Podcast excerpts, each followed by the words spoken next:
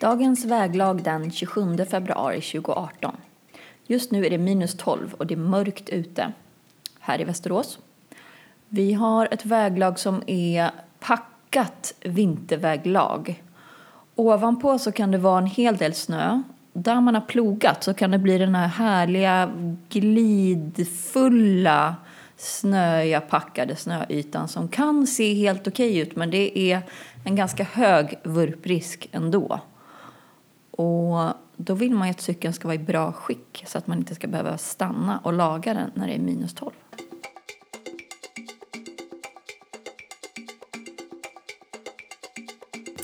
Ja, kära lyssnare. Välkomna till avsnitt 4 av Cyklistpodden. Av cyklister, för cyklister.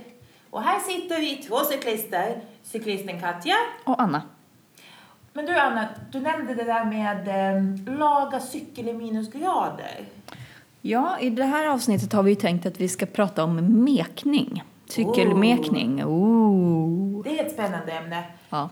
Finns mycket att säga. Mycket snack, lite verkstad. Eller? Ibland blir det mycket verkstad. Ja, ganska mycket verkstad faktiskt. Jo, det är sant. Det blir i och för sig säkert mer verkstad för dig än för mig, för jag är lite lat. Det kanske är olika verkstad. Det kanske är lite olika slags verkstad. Mm. Skulle du vilja berätta lite, liksom, vad är det vanligaste du brukar fixa på din cykel och liksom, när händer det? Det absolut vanligaste är ju att laga punkor. Och det är ju då att ta av däcket, ta av slangen och förhoppningsvis slippa skruva av det här lilla irriterande ventilhatten. För den ska ju redan vara av. Eh, För då går det snabbare om man inte har den och man ska heller inte ha den här lilla, lilla skruven som man skruvar på upp och ner. Eh, Men skit i den. Utan nej, men det är, det är punkalagningen som gäller. Jag Slangbyte. menar att om man vill jävlas med någon, då gör man som man gjorde förr när man bytte språk på telefonen till finska. Mm. På cykel så kan man sätta på de där små ventilhattarna och den där lilla. Mm, då sitter man liksom och rycker och drar i slangen som man hade för raden. Det ska jag tänka på inför nästa tävling. Det är kanske en sån här konkurrensfördel. Mm, kan det vara. ska smita in och sätta på lite ventilhattar på mina motståndares. Fast i och för sig, ja. Jaha, eh, okej, så det är mycket punk. Vad tror du det beror på? Är det att du kör mycket grus eller är det bara otur eller? Ibland är det ju helt enkelt för att jag har för högt däcktryck och då har jag för att jag vill vara så snabb som möjligt. Eh, Det kanske är för att jag vill kompensera för något annat som jag saknar. Jag vet inte. Men eh, nu ska jag vara lite tipsare här förstår du. Det är inte alltid det högsta däcktrycket som vinner. Nej. Du vet väl att man liksom försöker uppnå den där balansen mellan så lågt tryck som möjligt och så liten risk för punka som möjligt. För att, Mm. Mm. Eh, men faktum är ju faktiskt så att man känner sig faktiskt mycket snabbare med högt däcktryck. Man gör ju det. Jag brukar faktiskt göra det, även om jag vet att man kanske skulle sänka. Det tänker jag faktiskt när jag kör cross. Det känns så himla oproffsigt att glida runt på mjuka, slabbiga, slappa däck. Ja, speciellt i racer tycker jag. Landsväg. Ja, ansåg precis, men jag tänker även Landsväg. cross till exempel. Det Ja. känns bara så fel. Ja. Men samtidigt så är det ju så att jag vet att folk brukar ofta säga till mig, men gud, sänk trycket. Du Ja. har för högt tryck. Ja. Så ja, det är en balansgång det där. Men förutom punka då, om du liksom ska underhålla cykeln, vad är det mer som brukar fixas? Då blir det ju ofta byta kedja och då brukar jag jobba med två kedjor och då har jag den ena i kedjebadet och den andra sitter på cykeln. Och så har jag det fiffiga lilla kedjelåset som jag knäpper upp och knäpper igen. Och den här kedjan som ligger i kedjebadet rullar jag ihop till en liten boll. Eller snarare en liten kanelbulle som jag har fått lära mig. Att man kan likna det som. Och så ligger den där i badet och gottar till sig några dagar. Och så har man en gammal tandborste. Som man då putsar kedjan ren med innan man tar upp den och fettar in den. Och gör den redo för eh, att sätta på när den andra behöver bytas. Vad kör du för avfettningsmedel? Jag vet ju att det snackas ju så himla mycket om liksom, de där skadliga olika ämnen du vet, som kommer ut i naturen. Så jag vet ju att det finns lite schyssta såna här hemmametoder. Jag brukar helt ärligt fuska, lite fuska, men jag brukar köpa färdiga lösningar. Helst om det står att det är liksom ekologiskt eller bio, du vet om det är något sånt där. Mm. Men eh, jag måste erkänna att det har hänt någon gång att jag bara kört med lite yes också. Och det är inte det bästa säkert, men det är ett snabbt sätt. Ja, alltså för lite snabbrengöring då brukar jag ta lite olivolja och bara ta på papper och, och smörja när kedjan sitter på plats. Ja. Men om jag ska göra en lite mer seriös variant så tar jag, brukar jag köra på OKs färdigblandade. Den är svanenmärkt men sen är det ju inte trevlig heller ute i vattendrag heller. Fisk, Nej. fiskar dör och sådär så den ska ju till återbruket sen när man har, eh, är färdig med den. Det roliga med olivolja får mig att tänka på att det här är sån här klassiskt trick faktiskt man kan köra om man, har, om man ska cykla långt och det är skitväder och man har glömt att ha med sig extra olja. Mm. Då kan man alltid smita in på affären och köpa en flaska sån här liten, du vet det finns så här små pytteflaskor olivolja och slå på kedjan. Det kanske du har gjort någon gång? Ja, alltså någon gång, men sen så är det, den drar ju åt sig jättemycket smuts så att man ska ju inte ha den som smörjmedel så. Nej, man kanske, men det är liksom sån här nödfallsgrej som faktiskt tycker jag, det är lite så här, typ en sån här cyklistknep. Mm. Så här, rödtjut och olivolja, då är man, då är det bra liksom. Då Ja. kan man fortsätta cykla. Ja, då kan man fortsätta. Då drar man iväg. Nej, men så det är väl de grejerna. Sen så är det rengöring av kassetten och eh, klingorna också som brukar eh, behöva göras ibland. Och då är det samma sak, bara montera av kassetten och montera av klingorna och ja, lägga dem i en tvätt och, och putsa dem i den här fina lilla tandborsten och sen så på med dem igen. Men brukar du liksom mecka med cykelns inställningar själv? Alltså jag tänker gällande typ sittposition och så, eller är det så att du har hittat dit och så kör du på det?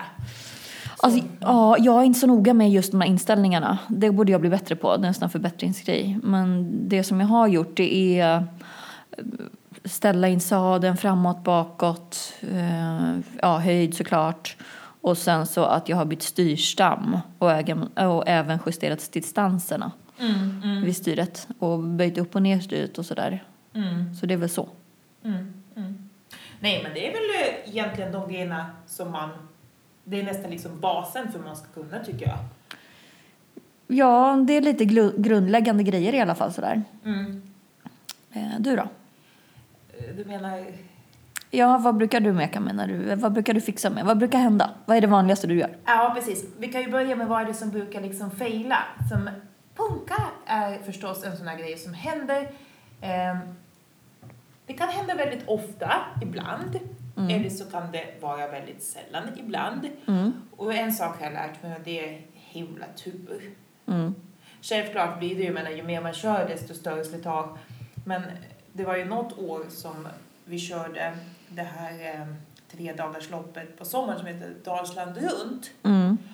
Och det var vidrigt väder. Eh, det var hemskt kallt och blött och grusigt. Det är ju liksom, det är ett gruslopp. Mm. Eh, och folk körde på touringcyklar och det var säkert någon som hade mountainbike och jag hade min tunna fina racer Mm. vanliga racerdäck. Visserligen lite tjockare sån här snakeskin men ändå. Du vet, folk punkade för glatta livet. Jag hade inte en endaste punka på hela, hela turen. Och vi Mhm. snackade liksom 10 mil ena dagen, 16 mil nästa dag eller 17 till och med. Mm. Och sådär. Jag hade inte en punka, inte ett fail du vet. Det liksom funkade perfekt. Vad berodde det på då? Tur, Tur. tur, ren tur kan jag säga. Okej. Det hade lika gärna kunnat gå åt helvete. Jag menar, så att, och sen så kan jag köra en vanlig liten landsvägsrunda. Till exempel när jag kör med vår klubb, Mm. Västerås cykelklubb. Och det har hänt typ minst två, tre gånger att en eke har gått på en vanlig liksom, du vet, asfaltsrunda. Men gud, hur, hur känns det egentligen? Ehm, det känns egentligen inte mer än att man märker att det börjar liksom flobba och wobbla på bakhjulet. Okej. Ehm, man blir av med eken och så blir man deppig för då måste man liksom stå och vänta på hjälp på något sätt. För att ofta så har man inte de verktygen med sig och man ska inte fortsätta cykla på ett hjul som är vintersnett för då blir det bara ännu vindare och snigare. Ja. Så då är det liksom bara att kasta det hjulet om man inte, ja. Jag menar, de som cyklar långt Mm. både randonnée och touringcyklister, Mm. då har man ju med sig ekefixverktyg. Mm. Men vi som kör vanliga liksom, korta landsvägsturer till exempel, då har man ju det. Så det har faktiskt hänt mig, men det är liksom ingenting som jag brukar fixa, utan då brukar jag faktiskt lämna in hjul på omriktning Mm. och. Men det vanligaste för mig är nog ändå, det är ju faktiskt såna här sittjusteringar. Eftersom jag har ganska känslig kropp, Mm. knän och rygg, Mm.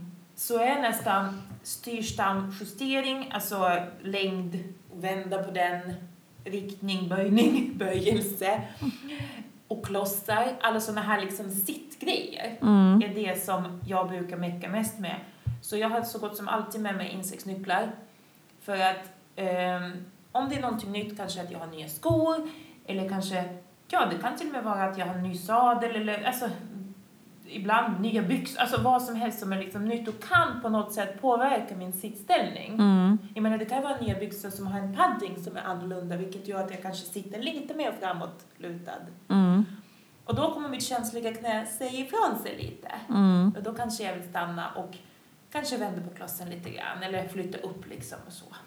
Så det är jättevanligt att jag, det är otroligt jobbigt men oftast har jag gjort det en gång så kan jag köra hela säsongen på den inställningen utan problem. Mm. Mm. Och när det kommer till underhåll då, vad brukar du göra då? Eh, måste vi prata underhåll? Vi kan prata underhåll lite mer. Okej. Ehm, father I have sinned. Jag är inte världens bästa person på att underhålla mina cyklar. Eller, jag är en perioder kan vi säga så här. Periodare? Ja, precis som med allt annat i livet. Ehm, ja, vi behöver inte nämna vad. Men ja, sånt man är perioder på. Mm. Så är jag en period när det gäller cykelunderhåll. Vissa dagar kan jag liksom komma hem och bara känna wow, nu ska jag tvätta min cykel, du vet. Och då kanske jag till och med kommer igång och tvättar kedjan, tvättar liksom kassetten och allting och bara wow, det bara, du vet. Och då blir det liksom ett blogginlägg på det och bara shit, kanske säkert ett tipsinlägg, bara så här sköter du din cykel, du vet. Sen går det typ tre veckor. Då stuvar jag in cykeln i mitt förråd, ställer undan, låtsas att det regnar. Kanske i bästa fall borstar av lite med en gammal ja, tandborste eller en gammal annan sån där diskborste. Mhm. Eh, och om någon frågar varför cyk- cykeln ser ut som skit så är det bara I don't care. Eh, det blir skitigt ändå.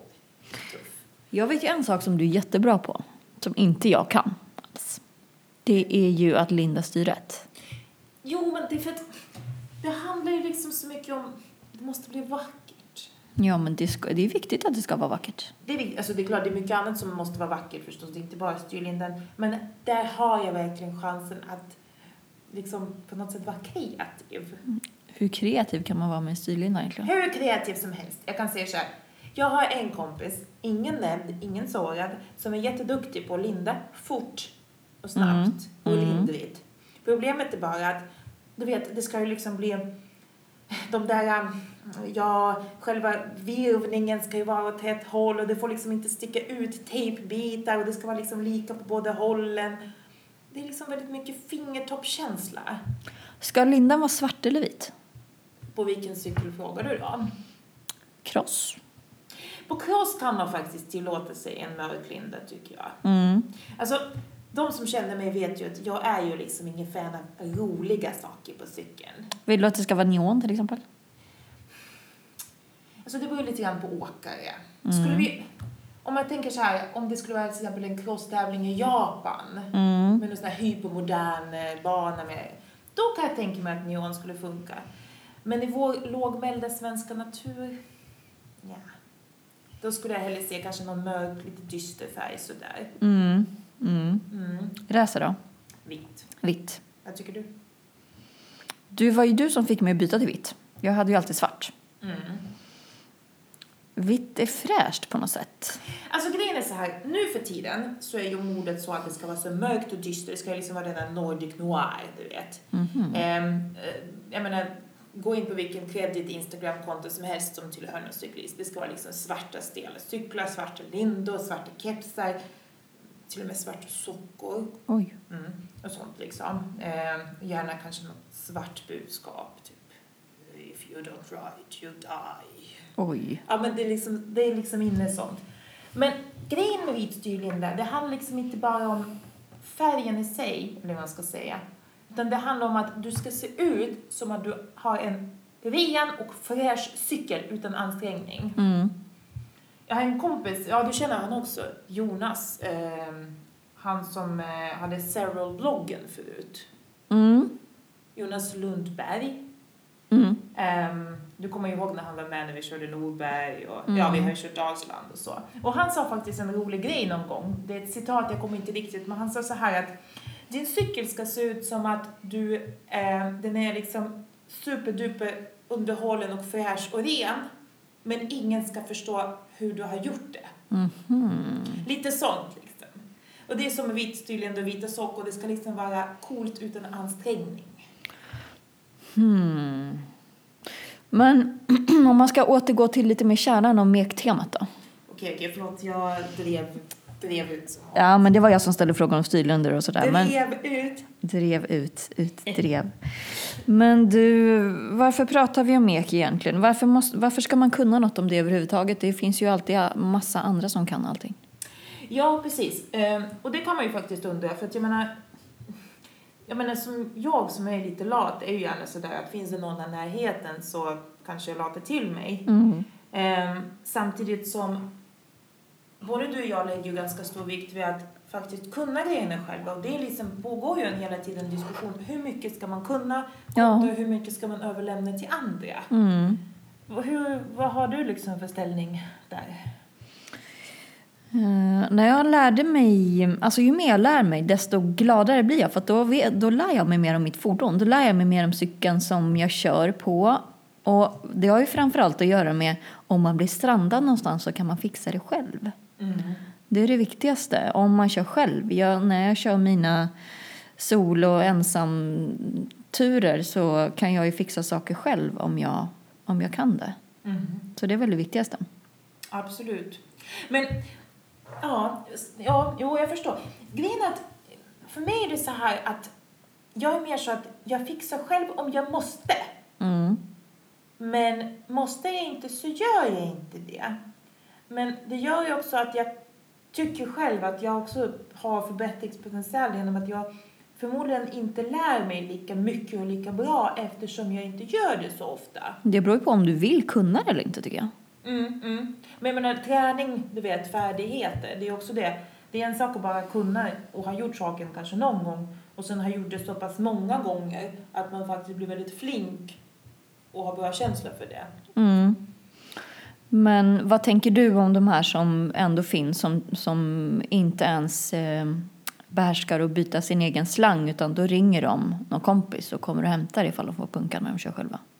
Ja, alltså, jag menar, självklart, menar, cyklistgemenskapen är ju sådan att det finns fantastiska möjligheter till att få hjälp och det ska vi absolut ta vara på. Ja, det ska vi. Dessutom tycker jag att vi ska absolut ta vara på den mekkunskapen som finns liksom hos handlarna och me- mekanikerna runt om i Sverige. Mm.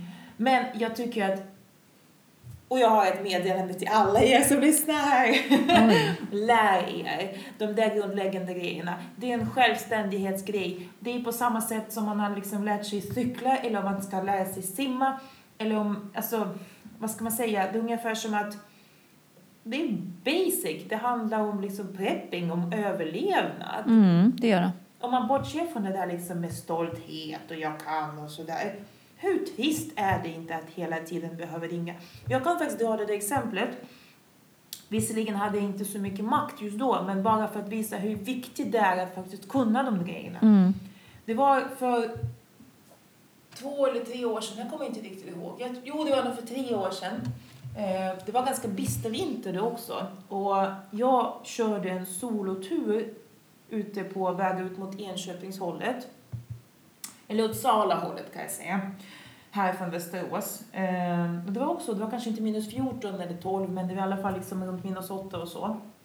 Eh, det var på en cross, det var på en gamla cross, singelklingad. Eh, och jag körde ganska lugnt, jag kommer ihåg att det var rätt halt och jag var ganska bra klädd men inte för varmt för man ska inte klä sig för varmt för då blir man ju bara svettig. Mm. Ja, och klockan var kanske fyra, halv fem på kvällen. Det skulle Mm. bli mörkt ganska fort. Eh, det måste varit ändå vår, kommer jag ihåg. Är liksom sen vintervår. Eh, och plötsligt så gick växelörat på min cross. Ja. Växelörat, du vet. Och jag tänkte mig, fasiken ska jag göra, du vet. Och jag försökte liksom där med kalla stela fingrar liksom hänga upp kedjan på det sättet så jag kunde få i alla fall någon växel att köra på. Men det gick inte, det var liksom chainsack och hela skiten var av mig. Du vet, jag kunde inte ens rulla nerför backen, om man säger så. Och du vet, och det var kanske tre, ja, och en halv, fyra mil från Västerås på små vägar Mm. ute vid någon grisfabrik eller grisfarm ute i Mycklinge som stället heter. Inte en käft. Du vet, några liksom torpiga hus. Mm.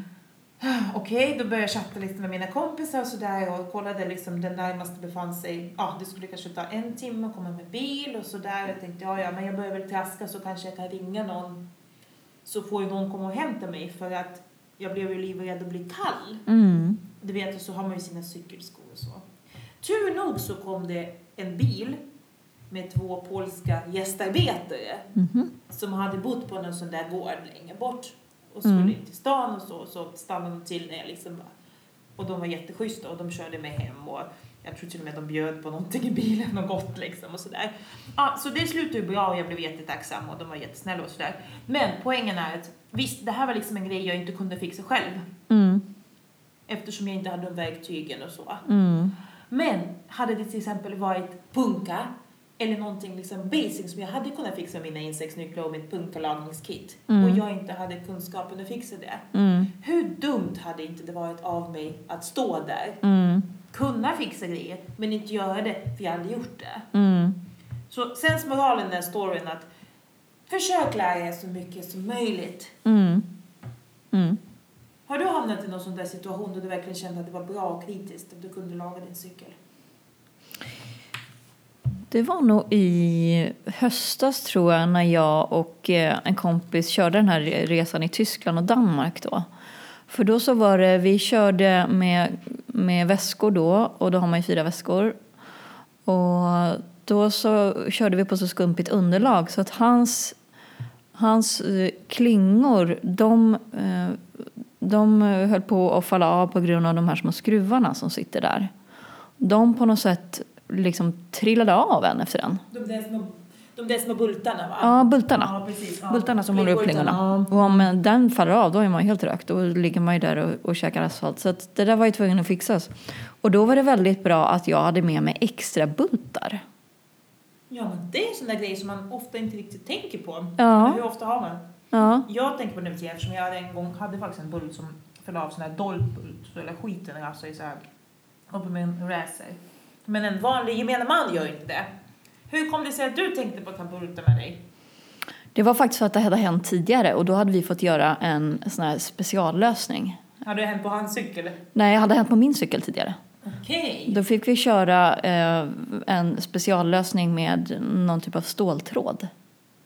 Som höll fast. Vi körde, liksom, drog den genom hålet och höll fast klingorna på det sättet.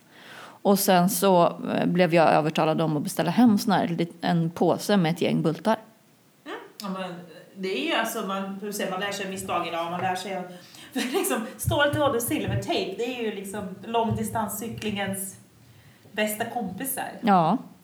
Men om vi säger så här, kan inte vi liksom kolla på vad man behöver, eller man kan tänka sig behöva för de olika typer av cykling? Mm. Nu när vi ändå är inne på långdistanscykling, du som faktiskt kört ganska mycket touring och så. Mm.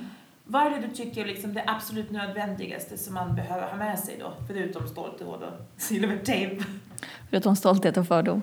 Ja, precis. Ja. Och förnuft, Anna. Och förnuft, mycket förnuft. Man ska ju ha med sig dels en bra pump som man kan pumpa bra med. Kör du kolsyra eller handhållen kraft? Jag kör med en handjagare, en klassisk gammal handjagare. Den sitter numera inte fast på ramen och det beror på att stället liksom blev alldeles för slappt så att den låg och skakade hela tiden på ramen. Så den har jag med mig. Men en bra pump som är lagom stor och som man vet att man kan få upp ett hyfsat tryck i däcken med. Ja, precis. För att vissa av de där jättesmå pumparna är ju så att man får ju pumpa jävligt. Alltså nästan för länge och då blir det bara ineffektivt. Jag vet inte riktigt om det liksom, visst det är väl snyggt med något litet och gulligt men Ja, och sen så behöver man ju ha, man behöver ha en bra pumpställning också när man pumpar. Där kan man snegla på andra som ser erfarna ut, hur man ska stå och sitta eller hur man nu ska bete sig för att få en bra ställning och pumpa i den där luften som måste i. Så det är väl det och sen är det väl några extra slangar men det är så basic och sen så kan det faktiskt vara bra att ha ett lagningskit för slangarna. Har man tråkigt någon kväll, kompisen är trött och har somnat så kan man roa sig med att faktiskt laga sina slangar. det håller jag med om absolut. För att visst, jag menar även om man skulle köpa billiga slangar så, jag menar man kan inte köpa på sig. Och det är faktiskt ganska enkelt att laga slang. Mm, och det är väldigt tillfredsställande när, när det väl funkar, att man har lagat färdigt. Funkar, Ja. Det roligaste, vet du, det är faktiskt den kanske första grejen som jag lärde mig att laga på min cykel utan att tänka på det var något mek. Och Det var ju återigen när jag var barn och cyklade runt på min gamla stålhäst där på landet i djupa karelska skogar. För att dels var det väldigt långt till stan där man Mm. kunde köpa nya slangar och dels liksom, det var ju så här, man hade typ ett par tre slangar Mm. och sen fick man punka, ja men då rullade man hem och sen så lagade den dem. Mm. Med lite sandpapper och sen lim och sen, jag vet jag hade en stor sån här tunna, sån här dagvattentunna som är, eller takregnvattentunna som man stoppade in slangen för att kolla vad hålet var liksom, du vet, där det bubblar och sådär. Mm. Mm. Så, och det gjorde man liksom på löpande band och jag gjorde det fast jag var liksom liten tjej. Mm. Jag menar, det var bara någonting alla gjorde. Men idag så känns det som att det inte är så många som gör det utan folk bara slänger, typ köper nya slangar. Ja, det är mycket slit och släng. Det är väldigt onödigt faktiskt. Det är himla onödigt och jag menar, ja, nej det är skitbra lagat tycker jag faktiskt. Ja, och sen så har vi ju vanlig enkel kedjeolja ska man ha med sig. Smörja in kedjan då och då. Eh, och det har man ju direkt på någon om man kör i klunga att någon har inte har smörjt kedjan. Det visslar ju och, och har sig så det måste man ju göra sig till underhåll. Men jag tänkte på långdistans, eh, är det något speciellt som just långdistanscyklingen kräver som man kanske inte behöver ha med sig på klung, vanlig klungcykling? Det kan ju vara de här reservdelarna då, de här bultarna och sen så eh, kan man ha med sig en sån här kedjebrytare om man skulle få kedjebrytarhaveri. Det har jag, eh, kedjehaveri, det har inte jag fått någon gång och det behöver jag lära mig. Piska man bryter ihop. Ja, precis. Då kan man piska på sig. Eh, Det finns ju faktiskt ett verktyg som heter kedjepiska. Det är ju, jag höll på att garva ihjäl mig när jag hörde det första jag gången. har den. Ja, jag har också en sån. Och jag måste dra den. Alltså det var en gång som Valle, en kompis, lånade kedjepiskan av mig. Ehm, och sen så kom, jag vet inte om det var ett sms eller man kom det här skamset meddelande du vet, ehm, tyvärr så har liksom den är trasig. Ja.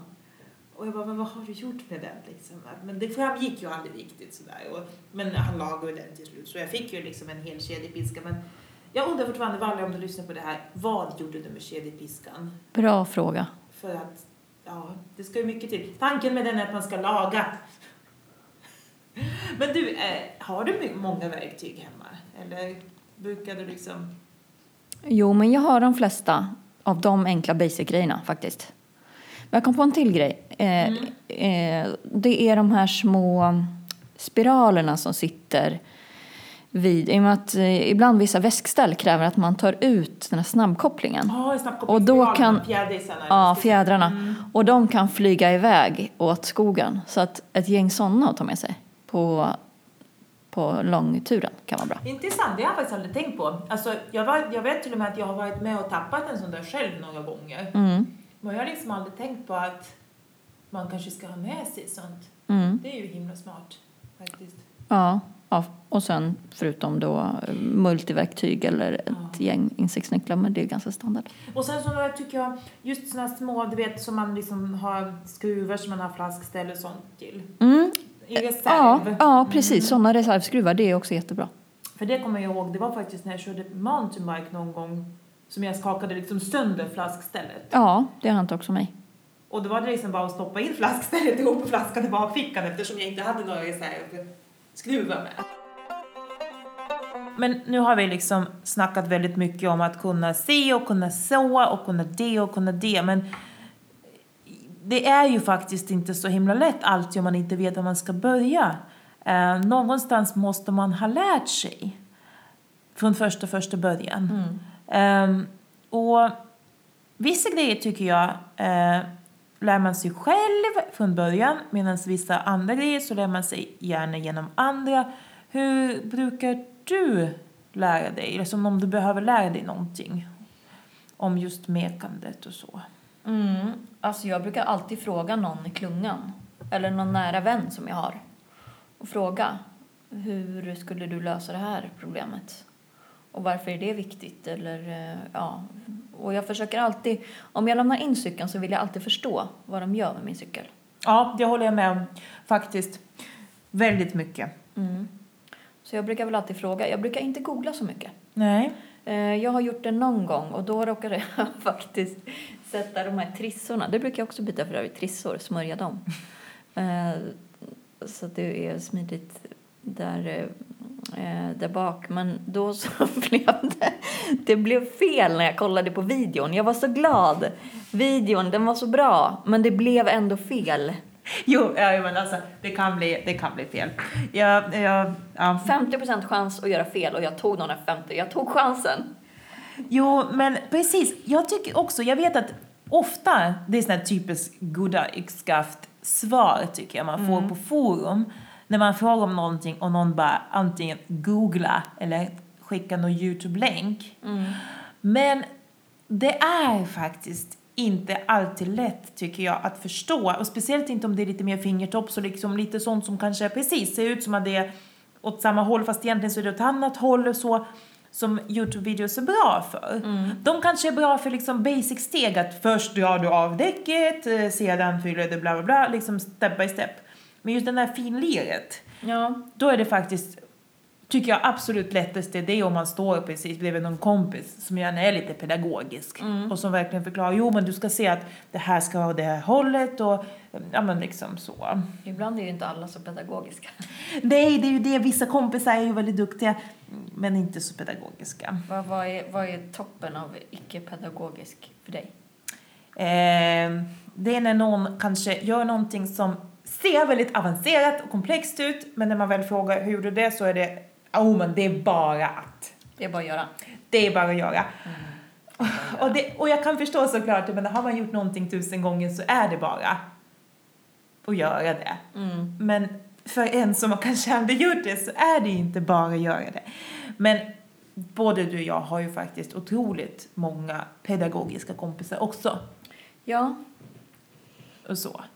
Sen tycker jag också att precis som med annan inlärning eller på jobbet eller liksom Tycker inte du att det är också att man lär sig själv om man ska visa för någon annan? ja, man lär sig jättemycket. Och den, de ställer ofta frågor som man själv inte har tänkt på också. Exakt, vilket gör att man kanske måste tänka till lite extra. Mm. Mm. Så jag tycker att jag lär mig nästan bäst, eller gör bäst ifrån mig, om jag kanske får hjälp av någon av mina kompisar som frågar mig. Mm. Som kanske har precis börjat cykla. För det är då jag verkligen får tänka till, kanske googla lite extra, kanske till och med fråga någon annan innan, verkligen dubbelkolla att allting stämmer. Så att jag kan hjälpa den här kompisen på bästa sätt. Så att jag inte bara kommer dit och bullshittar bara, jo men det är bara att skruva på det där vet du, och sen sticka in här. Och, Mm. Ja, men man vill ju inte att någon ska köra ner i diket för att jag är kaxig och tror att jag kan. Nej, nej, Du vet. nej. Det är mycket sådana där grejer att... Kan du känna ibland så här... Eller jag, jag säger så här, jag tror... Ibland kan jag känna så här, nu vill jag visa att jag behärskar det här. Mm, absolut. Det känner jag. Och då liksom kan det ibland bli rätt, men det kan också ibland bli fel eller ta jättelång tid. Jo, men det är ju den här liksom att man vill ju, dels vill man ju ogärna vara den där bördan. Jag tycker i alla fall inte om att vara det. Nej. Även om de andra kanske inte ser en som en börda så blir det liksom det där men den där envisheten, lilla djävulen kan själv. Ja, och jag vill bara vara så soft och kunna, oj, det gick, det, något gick fel och så felsöker jag, så hittar jag felet och så byter jag den delen eller fixar eller skruvar eller donar och så bara rullar vi vidare. Det ska inte vara någon stor grej. Nej, precis, precis. Ja, jag vet faktiskt inte riktigt. Det är ju, ja, det är liksom den där lilla stoltheten, eller hur? Ja, det är det. För som sagt, om man är i en grupp, då finns det ju jättemånga som kan. Och med största sannolikhet så finns det någon i varje grupp som kan, alltså tillsammans så har man kunskapen att lösa de flesta problem. Så är det ju. Men sen tycker jag också att jag tycker det beror väldigt mycket på approachen från de som man tar emot hjälpen av. Jag menar, säg att det till exempel, ja men vad kan vi, ja men säg det klassiska, jag har fått en punka. Om vi tillsammans, en klunga eller en grupp, om vi kör till exempel mountainbike. Om vi stannar till och jag säger, hörni, nu måste jag fixa punka, men eh, tyvärr så glömde jag, jag vet inte, något verktyg. Eh, jag glömde en slang. Kan jag få hjälp? Kan det någon som har slang? Och så är det någon som kanske hjälper till med slangen och kanske hjälper till att hålla någonting och så. Inga problem. Men om jag får punka och jag själv inte ens får chansen att börja laga den utan att gänget stannar och det är någon som bara Åh, ge mig cykeln så ska jag laga den. Då kan jag bli sådär lite tvär och bara men vänta nu, det här är ju faktiskt min cykel. Ja, jag känner igen det där. Eller hur? Jag menar, det är ju ingen som stannar på en motorväg och eh, liksom röjer undan personen som kanske har fått problem med sin bil och bara låt mig fixa det här. Mm. Utan man kanske mer stannar och frågar, men du, är det någonting som har hänt? Mm. Behöver du hjälp? Mm. Så jag tycker liksom, eh, när det blir för mycket liksom, ja men, du vet det där tipsande och liksom in your face, då kan jag bli lite så här, men jag kan fixa själv. Ja, jag tror jag lär mig bäst om jag får fråga om hjälp själv. Ja, men jag tror också det. Ja, när jag väl behöver hjälp, då lita på mig, då kommer jag fråga. Mm. Men- Jo, men det är samma sak, precis. Att man, eh, jag tycker överhuvudtaget att man ska liksom, självklart ska man erbjuda sin hjälp. Mm. Men man kanske kan bara säga att du, om du vill så hjälper jag till. Mm. Sen kan man bara, man behöver inte säga så mycket mer. För jag tror att den personen som behöver hjälp är ganska kapabel själv till att fråga om hon eller han behöver hjälp. Ja, alltså så bråttom har man inte. Är, ibland kan man själv ligga där och längta efter någon ska, någon ska få punka så man får ta sin lilla pisspaus och liksom sådana saker. Hur? Så att, Ja, faktiskt. Ibland kan det vara liksom bara så här, ah, punka eller, ah, eh, jo, jag är fel på växlar här, vänta, jag måste justera lite här. ja. Det är den där klassiska stick grejen jag vet inte, känner du till det? Nej. Det är sån här proffsgrej, du vet. Att, ehm, det heter ju så att eh, proffsen, du vet, de får ju liksom, de har ju sina servicebilar som vi pratade om i bilbränsleavsnittet. Mm. Ehm, och ibland så är det så att de kanske behöver lite hjälp med växeljusteringar på cykeln. Och då stannar de vid, alltså de fortsätter cykla men då kanske de cyklar jämte en bil. Mm. Och då liksom sträcker sig mecken ut och hjälper liksom att justera växlarna Mm. liksom i flygande fart så där. Men när man tittar på tävling så ser man ofta att liksom själva justeringen kanske tar, jag vet inte, en minut. Mm. Men sen håller han på och fortsätter, fortsätter justera och justera och justera och till slut så kanske cyklisten ligger där i fem minuter. Ja. Och det kan man liksom förstå att det handlar ju helt enkelt om att personen vilar upp Mm. sig och kör ihop med bilen. Och det är också sån här gränsdragning att okej, mm, egentligen så ville han kanske vila upp sig. Mm. Så det är liksom cykelvärldens motsvarighet till den här fotbollsfighten där filmar. Vad kallas det? Du vet när de ramlar ner och ska grina. Som, ja, filmning. ja, som små pojkar. Ja. Ja. Jo, precis. Men det där med stolthet och sådär. Mm. Eh, det finns ju liksom, det anordnas ju väldigt mycket mer kurser Mm. överlag och så. Mm. Ja, men. Ja, oftast är det ju faktiskt av män. Och eh, förvisso har det börjat anordnas mer och mer fler kurser för tjejer. Men, Av män. ja, oftast av män. Men om vi nu ska vara lite sådär. Vad är det som gör att tjejerna överlag, vi tjejer överlag, är lite sämre på att ta hand om våra egna cyklar? Jag tror en grundgrej är att vi litar på att det finns så många andra runt omkring som kan så vi orkar inte lära oss. Nej. Och så kan det ju vara så att man alltid också, man förväntas inte kunna så då är det alltid någon som sticker fram handen och hjälper. Mm. Precis. kombo. Ja, det känns ju ibland som att cyklingen, jo men det har ju historiskt varit en mansdominerad sport. Och många av tjejerna, kvinnorna, har ju faktiskt kommit in i sporten via sina män Mm. eller via sina manliga bekanta eller kompisar. Ja. Och på något sätt liksom har glidit in i det och Mm. kanske inte, dels inte behövt, man kanske inte ens givits chansen. För det är alltid någon som, ja men som vi pratat, innan man ens själv försöker så är det alltid någon som bara tada! Mm. För du vet, det kan jag märka som... Du vet, jag... Dels så bloggar jag liksom och har min egen domän och liksom och fixar ja, det mesta kodningen själv. Jag har jobbat med IT, jag har skrivit IT-manualer för webbhotell. Jag har utbildat inom IT för länge, länge sedan. Jag har en gång själv programmerat och så och tyckte det var jätteroligt. Jag gillar liksom den biten. Även om jag gör det så pass sällan just nu att jag är absolut inte någon expert. Men du vet, jag liksom tar reda mycket själv. Likt förbannat, så fort jag har något litet problem eller skriver någonting, då kommer det liksom haranger. Folk som ska förklara för mig. Jo men vet du vad, du ska göra det här så löser det här, det här, det här. Du vet, utan att jag ens har nämnt att jag har egentligen det problemet. Mm. För folk förväntar sig inte att en tjej ska kunna lösa det själv. Mm. Utan, men du, jag ska hjälpa med det här. Vet. Jag har jobbat med det här så länge, men fan tänk om jag har också jobbat med det här. Ja, och ibland så kan ju det där också vara en del av inlägget, att man väver in liksom den där svårigheten som man har i någon typ av så här konstnärlig, eh, hela upplägget av storyn. För så har jag gjort någon gång och då Ja, fick visst. jag liksom en stor, också en sån här stor harang. Ja, ja visst. Och det är också en sån här rolig grej, det tampas jag ibland med när jag skriver. Att samtidigt som jag vill visa, ofta faktiskt genom att berätta om mina mek-fails, mina ekobrott, mina växelöron, mina, hur dålig jag är ibland på att fixa punkar i tid. För jag är inte den snabbaste punkarfixaren. Samtidigt som jag vill skriva om det, för jag vill visa att det är okej att inte vara perfekt så länge man försöker och att det faktiskt är så det är. Så drar jag mig ibland från att göra det, för jag vet att likt förbannat kommer det säkert någon som kommer med det där "Tada, nu ska jag tipsa dig minsann hur du ska göra. Men det är inte därför jag skrev det. Nej, precis. Jag skrev det bara för att visa att det sket sig. Det betyder inte att, ja men du vet så här. Så det är liksom en svår balansgång. Självklart ska man ju fortsätta avväpna och visa men ehm, ja du. Ja, jag tänker också... mm, Jag tycker det är kul att skriva om det. Och jag brukar beskriva när jag har lärt mig något och Mm. varför jag tyckte att det var kul att lära mig just det. Och så brukar jag lyfta fram den såklart som har lärt mig det också. Mm. Så så tycker jag är ganska kul. Och sen så brukar jag skriva om, ja men också när det blir något fail, att det blir något, Mm. något sådär för att ja, hänga ut sig själv lite grann. Mm. Mm. Men det känns som att nej, man vill inte göra det för ofta för då, då är det plötsligt att det skulle vara en stor grej bara för att vi är kvinnliga cykelbloggare. Ja, precis. Ja, men som kvinnlig cykelbloggare så har man ju två vägar att gå. Antingen så är man liksom konstant positiv och nämner överhuvudtaget inte såna här grejer. Nej.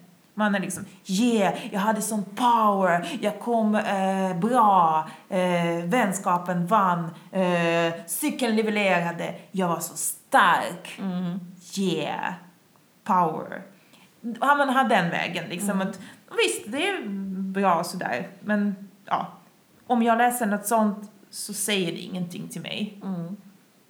Då läste jag faktiskt hellre om någon som skriver att hur själva liksom förloppet var, vad det som sket med cykeln, ehm, hur hon kanske fixade det, för för det mesta så fixar ju folk faktiskt det och så. Ja, det är kanske egentligen det som är det intressanta. Hur man fixar det eller hur man kommer hem eller hur man löser problemet. Ja, precis, för det är liksom det som är, och det är återigen det som jag tycker är så förtjusande med cykel, att det är, varje tur är en liten historia. Med en liten liksom prolog, det börjar någonstans, man cyklar ut.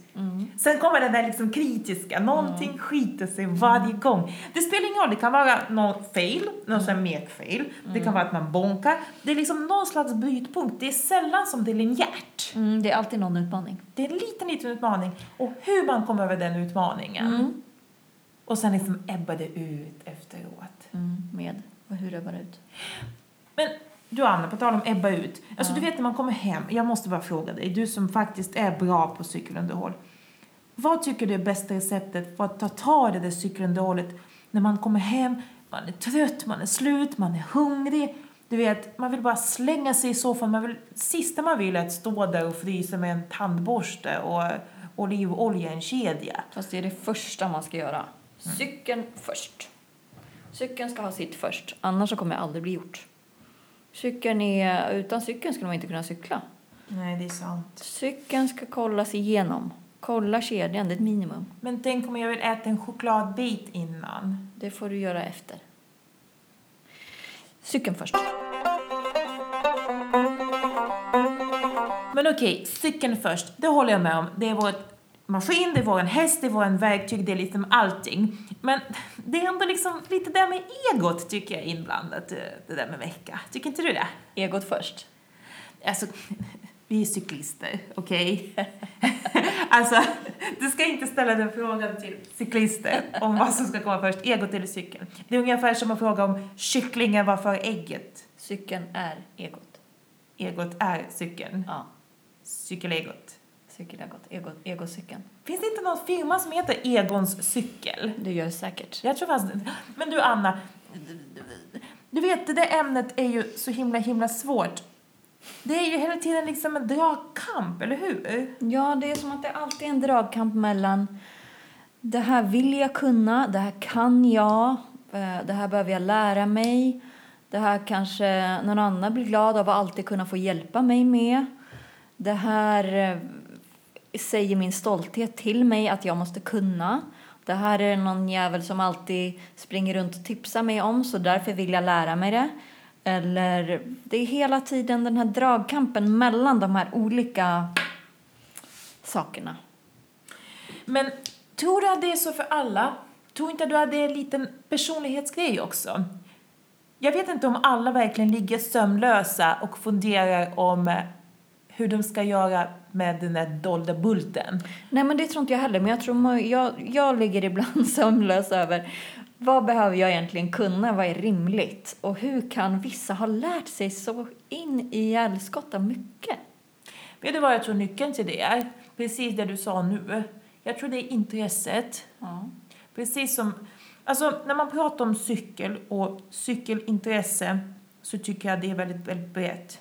Därför är jag lite allergisk mot, ja det är allergisk överallt, överlag, men när folk säger att jag kan mycket om cykel.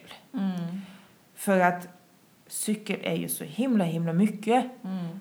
Det kan vara cykelmodeller, det kan vara cykelhistoria, det kan vara cykelteknik, det kan vara att tävla, det kan vara att eh, äta rätt. Alltså det finns jätte- jättemånga aspekter och en stor aspekt är ju cykelmeck. Mm. Det är ungefär som, ja man tänker för att dra någonting som alla kan relatera till, tyvärr, bilintresse. Det finns de som kan allt om bilar men som kanske inte kan laga bil. Mm. Sätt. Och det är samma sak med cyklar.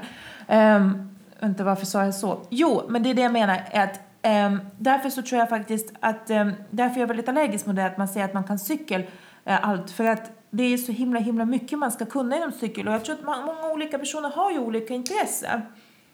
Um, jag menar, det finns ju de som till exempel inte ser cykel som någon sport utan som helt enkelt något nöje. Mm. Som kanske är ute och solskensrullar och sen lämnar in cykeln på lite service. Mm. Och så finns det någon som du, som är kanske väldigt intresserad av att faktiskt lära dig Mm. hantera cykeln som instrument och maskin och så. Mm. Jo, jag tycker det är spännande.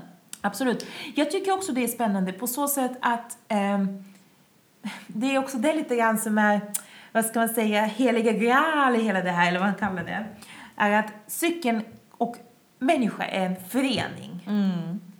En människa är ingenting utan cykel och cykeln är ingenting utan människa. Och det är liksom, jag tror det är ett av problemen med infrastrukturen faktiskt handlar just om det att man gärna ser cykeln som antingen fordon eller som person. Medan Mm. det egentligen är liksom cykel, fordon och person. Mm. Och det är det jag tror för att Alltså, det är först när vi lär oss cykelns liksom innersta mekaniska väsen. Mm. Ja, jag vet. Ja, det, är Det, det är så ja. vackert Det, när det är du så säger vackert. Och det är det jag fattar inte. Hur kan man inte tycka att det är spännande? För att minsta lilla vink som sker när du cyklar beror ju oftast på någon liten inställning, på någon liten kort liten pyttedetalj, någon liten bult, någon liten fjäder som kanske sitter på ett lite, lite annat sätt än hos någon annan. det. Någon liten distans på styret. Någon liten distans, någon liten bar, du vet, tryck. Någon liten, liten sten som har fastnat i just ditt däck mellan dina mönster. I ditt cykellego. Ja, i mitt cykelego. Ja, jag tycker, ja, det är, för bra, det är för fint där. Ni som... Mm. Mm. Mm. Ja, Jag är tagen. Jag, hur ska vi avsluta nu? Vi kan inte avsluta. Nej, det, det, går inte. det är en pågående process. Ja, Det är en livslång kärlek. det kommer fortsätta. Det kommer alltid fortsätta.